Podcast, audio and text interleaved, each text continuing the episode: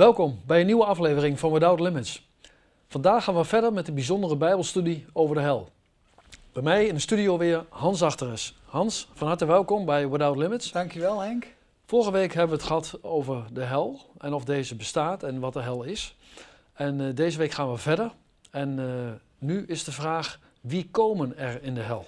Ja, een van de grootste leugens van Satan, Henk, is dat dit aardse leven het hele leven is. Dat is een van de grootste leugens van Satan, want het is niet waar.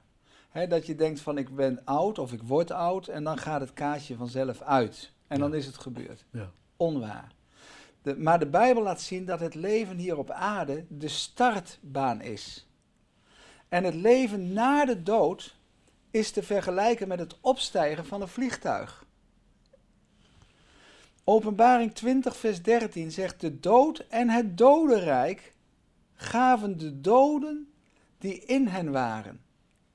En zij werden geoordeeld en ieder naar zijn werken.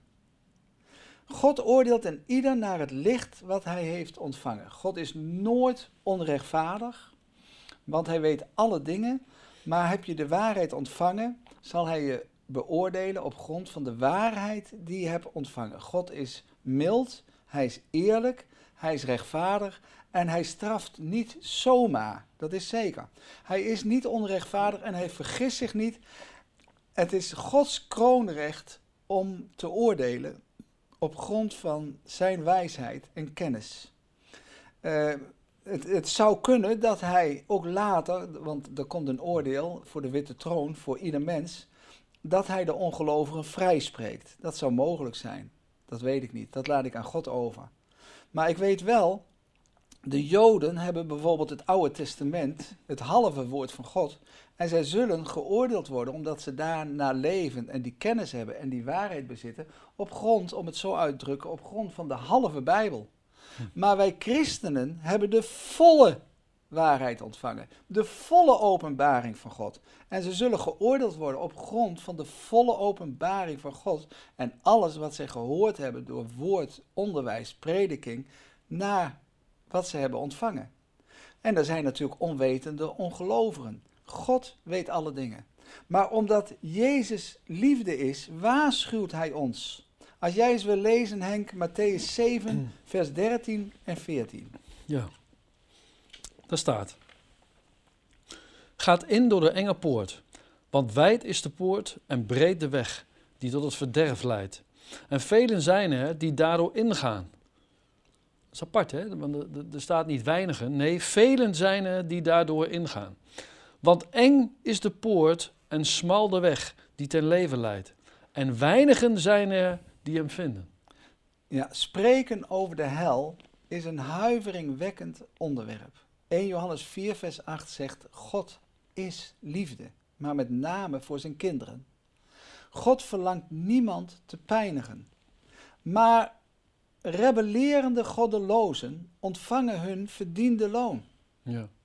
Nou, als, je, als je de Bijbel leest, dan zie je dat God eigenlijk, hè, dat Jezus een liefdevolle waarschuwing had voor ons, hè, uh, om onze handen, voeten en ogen te gebruiken. Ja, de leden, Jezus zegt, en we gaan het zo lezen, dat je niet denkt, dit is iets van, van mijzelf. Maar Jezus zegt dat de ledematen die je hebt, die brengen je of naar de hemel of naar de hel. Hoe gebruik jij je mobiel? je computer, de tv, ja. met je ogen. Ben je een verslaafde? Noem maar op. Ik lees het volgende. Jezus zegt, en indien uw hand u tot zonde verleidt, hou, hem, hou haar af. Het is beter dat u verminkt ten leven ingaat, dan dat u met uw twee handen de, in de hel vaart. In het onuitblusbare vuur, waar hun worm niet sterft en het vuur niet wordt uitgeblust. En indien uw voet u tot zonde zou verleiden, hou hem af. Het is beter dat u kreupel ten leven ingaat, dan dat u met uw twee voeten in de hel geworpen wordt, waar hun worm niet sterft en het vuur niet wordt uitgeblust. En indien uw oog u tot zonde zou verleiden, ruk uw oog uit. Het is beter dat u met één oog het koninkrijk van God binnengaat, dan dat u met twee ogen in de hel geworpen wordt, waar hun worm niet sterft en het vuur niet wordt uitgeblust. Ja, wat, wat Ja. doe je ermee? Wat doe je met die ledematen? Sta, stel jij je ledematen ten dienste van God, of van jezelf, of van Satan? Ja, het is toch onvoorstelbaar hè? als je dit stukje leest en je ziet reacties. Hè? Misschien niet alleen het land, maar ook op Facebook. Hè? Dat is momenteel natuurlijk waar, waar iedereen op elkaar reageert. En dat ze dan gewoon zeggen, er is geen hel. We, we- lezen er letterlijk over. Het Ja. is onvoorstelbaar. Ja. En het is, Henk, eh, tegenwoordig een beeldcultuur. En de mens, denk aan Eva, werd verleid door wat ze zag. Ja. Door het oog, zegt Gods woord, en wij weten dat ook uit eigen ervaring, worden we verleid tot zonde. Maar de Heer zegt, breek er op dit moment radicaal mee. Want je loopt gevaar. Ja. Je loopt gevaar. Jezus he- heeft ons lief en heeft u lief. Ja. Maar leef je willens en wetens niet naar God wil, dan loop je gevaar. Ja. Want dan volgt er een toestand in de toekomst van wanhoop, uitzichtloosheid. En het is, en daar ben je met me eens, wij zijn allebei vader. Het is toch vreemd als een vader nooit boos wordt. Hè? Ja. Ja, Ja, ja. ja, wat dat betreft, hè, de, de, de, de toorn is dus eigenlijk een keerzijde van Gods liefde. ja dat klopt. Dat klopt. Eh, God is toornig en dan is, hij, dan is dat zeer, zeer, zeer terecht. Hè, voor de oer-egoïsten. Eh, daar staat in Matthäus 25, vers 41 en 46. Daar staat, dan zal hij ook tot hen die aan zijn linkerhand zijn zeggen, gaat weg van mij, gij vervloekten, naar het evere vuur dat voor de duivel en zijn engelen bereid is. Ja. Dus daar was het voor bereid, maar daar kom ik in de andere aflevering, meen ik, eh, op terug. En deze zullen heen gaan naar de eeuwige straf, maar de rechtvaardigen, de gelovigen, naar het eeuwige leven. Dus eh, God gaat niet zomaar wat zeggen. Dit is een heel ernstig woord en ernstige waarschuwing. Kijk, Jezus heeft, en denkt u maar aan het kruis van Golgotha, die heeft geopende armen. Hè? Het kruis is toch dit, hè? Geopende armen. Indien de hemel voorgoed wil mislopen, dan kan dat, maar dat is je eigen schuld. Dat leert de Bijbel. De moderne mens is, als u kijkt, allergisch voor het woord hel en oordeel. Kijk, als, als ik zou spreken over het dodenrijk, dan werkt dat verzachtend. Maar hel, hè, Ja, ja. dat is een verschrikking. Nou, Ja, dat is zo. Ik heb wel eens gehoord, Hans, hè, dat, eh, dat, zeg maar, dat de hel nu nog leeg is. Onbewoond. Klopt dat? Ja, dat klopt. Paus Johannes de 23ste, zei, eh, zei, daar zei iemand tegen hem, tegen die paus, Heilige Vader, wat denkt u, bestaat de hel? Jazeker. En als antwoord zei hij, alleen er zit niemand in. En dat klopt, onbewoond. Nu nog niet. Onbewoond. Er is Ja. nu nog niemand in de hel, maar deze zal bemand en bewoond worden na het grote oordeel van God in de toekomst. Over, als de grote witte troon, zoals er staat in openbaring 21, achter de rug is in het eind der tijden. Want daar worden de boeken geopend. Er worden boeken bijgehouden door de engelen. Dat laat de Bijbel wel, ik denk, drie, vier keer zien. Ook ben je begraven, gecremeerd of- het lichaam vergaan, of is er een, sprake van een zeemansgraf. Er is, eh, daar, daar zal een verschijning zijn voor God. Er staat in openbaring 20 vers 11, ik lees het u voor. En ik zag een grote witte troon en hem die daarop gezeten was, voor wiens aangezicht de aarde en de hemel vluchten en geen plaats werd door hen gevonden. En moet je opletten wat er nu staat. En ik zag de doden, de groten en de kleinen, allen, staande voor de troon. Ja. En er werden boeken geopend en nog een ander boek werd geopend, het boek des levens. En de doden werden geoordeeld op grond van hetgeen in de boeken geschreven stond, na hun werken op aarde. En de zee gaf de doden die in haar waren, en de dood en het dodenrijk gaven de doden die in hen waren. En ze werden geoordeeld allen en ieder naar zijn werken. En de dood en het dodenrijk werden in de poel des vuurs geworpen. Dat is de tweede dood. Dus dat is de echte dood Dat is de hel, de poel des vuurs. En wanneer iemand niet bevonden werd geschreven te zijn in het boek des levens, werd hij geworpen in de poel des vuurs. Dat is de toekomst. De christenen hoeven niet bang te zijn als zij leven met Christus en Christus leeft met hun. Want we zullen als wij sterven intrek nemen bij de Heer. Ja. Wij gaan niet echt dood. Jezus heeft gezegd, ik ben de weg, de waarheid en het leven. Ik ben de opstanding en het leven. Hij, ook is hij gestorven, de gelovige, de christen, dan zal hij leven voor God. Er is, zoals Romeinen 8, vers 1 het zegt, er is geen veroordeling voor hen die in Christus zijn. Dat is een ongelooflijke genade. Alleen omdat we geloven. Dat is ongeloof we hebben een ongelooflijk geloof. we hebben een bijzonder geloof, een heel apart geloof. Maar het is wel de waarheid. De dodenrijk, en er zijn natuurlijk onvoorstelbaar veel mensen nu nog in, want 6000 jaar leeft de mens na de zondeval. De Bijbel laat ook dat zien. Dat de wachtstand voor de grote witte troon, en dat, die is, de dodenrijk is nog overvol en er is nog sprake van een wachtstand. Als jij vandaag zou sterven, zou je dan voor 100% zeker weten dat je naar de hemel gaat of niet? Dat is de vraag. als jij vandaag zou sterven, zou je dan met 100% zekerheid weten dat je naar de hemel gaat? Er staat in de Bijbel, er is onder de hemel geen andere naam ons gegeven dan Jezus Christus voor behoud en redding.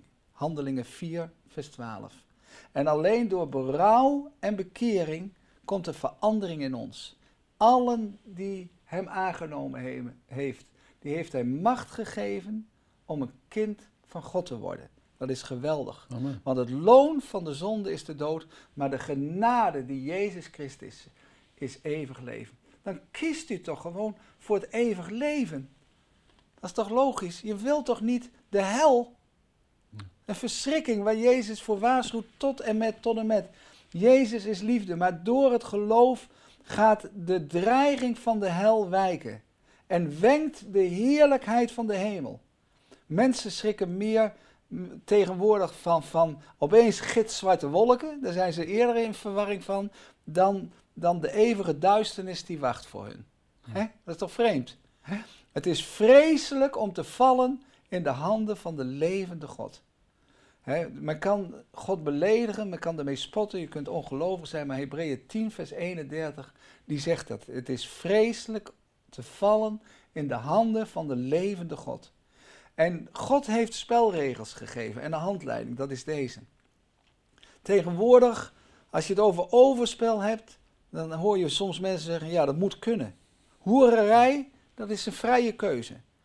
Pas op, er is later geen tweede kans. Er is geen ontsnappingsmogelijkheid in de hel. Het varenvuur als loutering is niet waar. Het is onbijbels om te zeggen iedereen komt in de hel. Daar moet u eens over nadenken wat ik zeg. Reïncarnatie is een misleiding. Het is niet waar. Ja.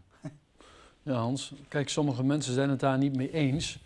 Hè? Uh, ik, heb, uh, ik heb eens gelezen van een uh, man die schreef in een boek dat als mensen sterven die Jezus niet kennen, hè, waarvan de Bijbel dus zegt dat ze dan naar de hel gaan, hè, dat ze dan als ze dood zijn alsnog de mogelijkheid hebben om Jezus aan te nemen om dan naar de hel te gaan.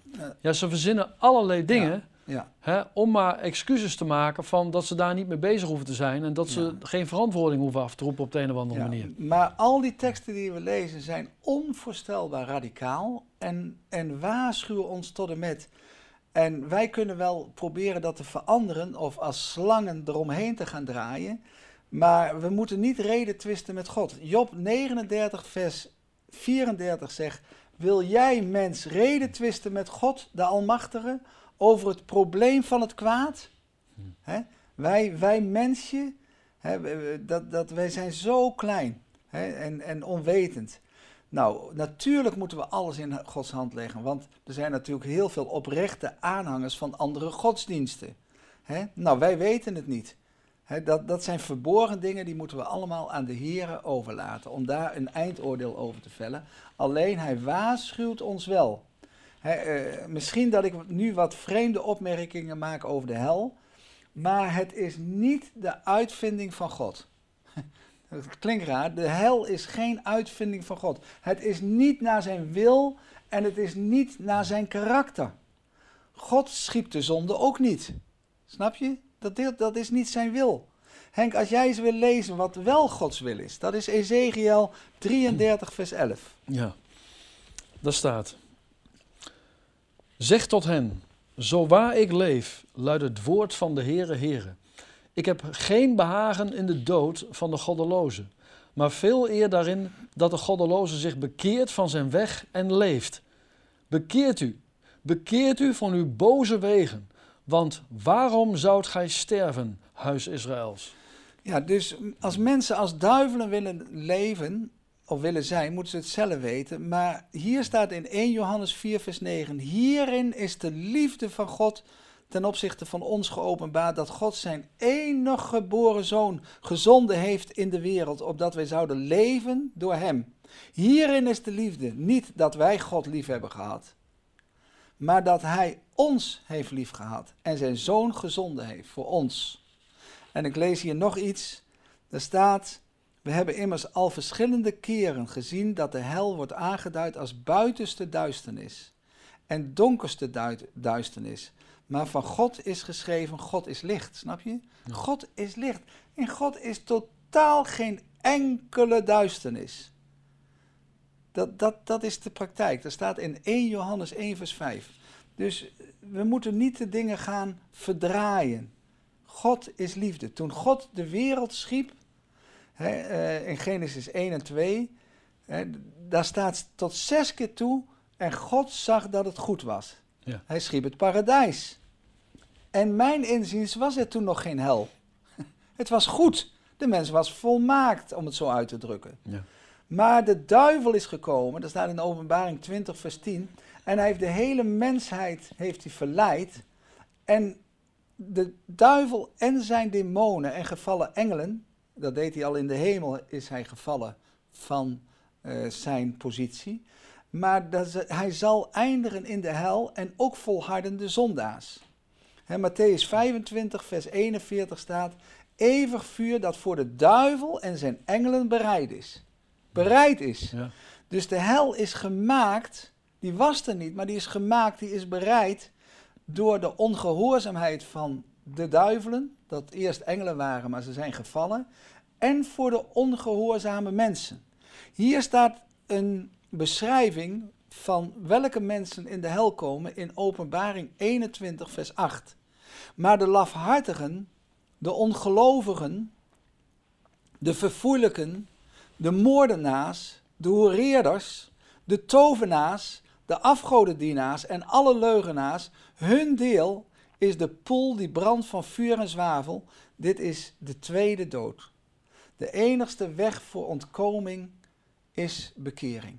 Keer je naar God toe en zeg: Heer, vergeef mij, vergeef mij ik zondig mens, en reinig mij door uw bloed, wat u voor mij gaf.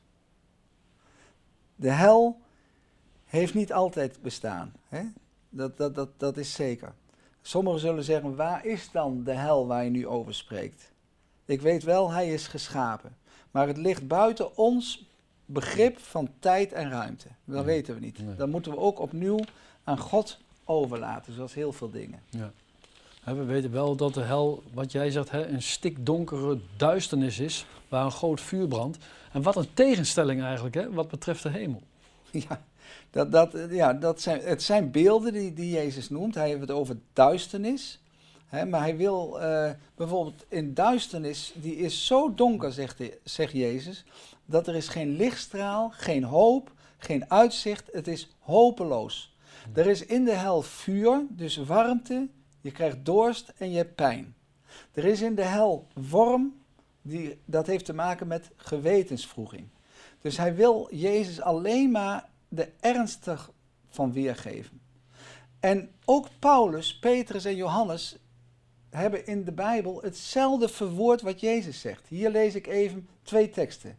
Want de toren van God openbaart zich van de hemel over alle goddeloosheid en ongerechtigheid van mensen die de waarheid in ongerechtigheid onderhouden. Romeinen 1, vers 18. En hier Romeinen 2, vers 8. Maar hun die zichzelf zoeken, hoeveel mensen zoeken zichzelf? De waarheid ongehoorzaam en de ongerechtigheid gehoorzaam zijn, wacht toren en gramschap. Ja. dus de Bijbel is daar duidelijk over. Maar omdat Jezus u lief heeft, waarschuwt hij u. Net zoals een pakje sigaretten. Roken is dodelijk. Ja. Hij waarschuwt ons. Hij wil u daarvoor bewaren. Ik zie het zo. Die schepping is ongekend mooi. Word je maar eens morgens wakker bij een meer met bomen eromheen en de zonnestralen komen u tegemoet. God fluistert door de schepping. God spreekt, zoals ik nu doe, door zijn woord tot u. Maar God roept u, roept u door middel van het oordeel of oordelen. En drie keer staat er in openbaring, wat gaat over de eindtijd en de verschrikkingen die soms over de mens komen. En zij bekeerden zich niet. Ja. Maar de gevolgen zijn er dan wel. De toren van God wordt door de zondere mens opgewekt. Zie je dat? Niet dat God zo is, maar hij wordt opgewekt. God wordt woedend. Ik sprak jaren geleden met Gerrit van der Valk, van eh, de oprichter van al die Van der Valk motels in uh, Nuland. En ik had met hem een gesprek over God en over Christus, over het geloof. En hij zei tegen mij een prachtige uitspraak die in de Bijbel stond. Hij was katholiek. Hij zei: Wat baat het de mens als hij de hele wereld wint, maar schade leidt aan zijn ziel? Staat letterlijk in de Bijbel. Ja. Dat, en zo is het. Wat heb je eraan als je de hele wereld wint en schade leidt aan je ziel? Ja, niks. Hans, heeft God heeft geduld, maar hoe lang heeft hij nog geduld? Nou, op een gegeven moment zijn de zonden te erg voor Gods aangezicht. Bij God is het net zoals bij de mensen, totdat. Sodom en Gomorra, waar de homoseksuele zonde hoog tij vierde, is een voorteken van de ernst van de zonde. Daar werden engelen gezonden, ze verwoesten uh, Sodom en Gomorra en er staat in Genesis 19, vers 28, en de rook van de aarde steeg op als de rook van een smeltoven. Het gaat over Sodom en Gomorra in Israël. En ik, zoals ik het begrepen heb tot nu toe, is de Dode Zee daar een teken van. En Sodom en Gomorra is ook nooit meer gevonden, maar het is verwoest op grond van de zonde die men daar beging. En de mens wordt nu nog steeds gewaarschuwd. Tegenwoordig is het niet het ware evangelie, maar het evangelie van de tolerantie. Alles kan. Ja. Alles kan. Mensen zijn gewaarschuwd. Wat zou u van een rechter denken die het volgende tot een boef zegt? Al hoewel u de bank hebt beroofd en de kassierster hebt neergeschoten, zal ik u doen alsof u niets gedaan hebt en zal ik u laten gaan zonder straf, want ik ben een liefdevolle rechter. zou het rechtvaardig zijn als de rechter zo zou handelen? Oefent deze rechter zijn beroep uit op de juiste manier? Is het werkelijk fair criminelen ongestraft te laten? Nee, God is een volmaakte rechter. Ja. Hans, ik heb nog één vraag voor je. Zijn er gradaties in de hel, dus verschillende niveaus zeg maar, van straf? Ja, de Bijbel spreekt daar wel over. Ik lees een aantal teksten, Hebreeën 10, vers 29. Hoeveel zware straf zal hij ontvangen die de Zoon van God met voeten heeft getreden? Dus de onverschilligen. Uh, daar staat in vers 27 van Hebreeën 10: Vreselijk uitzicht op het oordeel en de felheid van het vuur als je opzettelijk blijft zondigen. In Lucas 12, vers 47 staat: dus de mensen die het wel weten en het niet doen, we hebben er allemaal last van dat we zonde doen. We weten het wel, maar we doen het niet. Maar je volhardt daarin, Lucas 12, vers 47 staat, die zullen vele slagen ontvangen. Romeinen 2, vers 3 staat, hij zal vergelden naar zijn boze werken. Uh, hier staat in de Bijbel dat zelfs de tong is een gevaar, de tong. Daar staat hij, eh, dat het, eh, de tong is een giftige werking en is een instrument voor negatief gepraat, maar ook het gevaar is, zoals Jacobus zegt, ook de tong is een vuur, zij is de wereld van de ongerechtigheid. De tong, de mond, neemt daar plaats in onder de leden als iets dat het hele lichaam bezoedelt en het rad van de geboorte in vlam zet, terwijl zij zelf in vlam gezet wordt, let op, door de hel. Door de hel. Dus je mond kan al een voorteken zijn. Als je vol bent van eigenliefde, zegt Jezus, dan staat het lot van de huigelaars hè, in Matthäus 24. Dus er is wel verscheidenheid en misschien bestaat de hel wel uit een soort doolhof. Ik weet het niet. Maar in ieder geval, Matthäus 11, vers 21 zegt ook: voor, voor bepaalde mensen zal het dragelijker zijn in het oordeel dan voor anderen. En hij zegt over Judas Iscariot, die hem heeft verraden: Het was beter dat hij niet geboren was. Dus naarmate van je schuld. Dus wees niet onverschillig. Hè? En zeg niet: De hel mij niet gezien. ja. Dat is toch uh, in de wereld, hè? Ja. Maar hoe ontkom ik aan de hel? Ik kwam pas geleden ergens hier in de buurt een vrouw tegen die heette mevrouw van de hel. Ik zeg, mag ik u eens vragen, hoe komt u aan die naam? Ja, ze zegt, ons voorgeslacht maakte altijd heel veel ruzie. nou, dan heb je de naam. Ja. De, dat geeft al soms iets aan. Henk, wil je als afsluiting eens lezen een heel bijzonder woord in Handelingen 17, vers 30 en 31, ja. waar Jezus zelf, hier staat Jezus centraal, wat jij leest. Ja, daar staat, God dan verkondigt met voorbijzien van de tijden der onwetenheid heden aan de mensen, dat zij allen overal tot bekering moeten komen. En vers 31, omdat hij een dag heeft bepaald waarop hij de aardbodem rechtvaardig zal oordelen door een man die hij aangewezen heeft waarvan hij voor allen het bewijs geleverd heeft door hem uit de doden op te wekken. Ja. Kijk, ik wil nog als afsluiting zeggen wat hier in het woord staat. Waarom zeggen we dit tot u? Wanneer er staat hier in Ezekiel 3: Wanneer u een woord uit mijn mond hoort, zult u hen uit mijn naam waarschuwen. Als ik tot de goddeloze zeg: U zult zeker sterven, en u waarschuwt hem niet, en spreekt niet om de goddeloze voor zijn goddeloze weg te waarschuwen, ten einde hem in het leven te behouden, dan zal die goddeloze in zijn eigen ongerechtigheid sterven, maar van zijn bloed zal ik, ik u rekenschap vragen.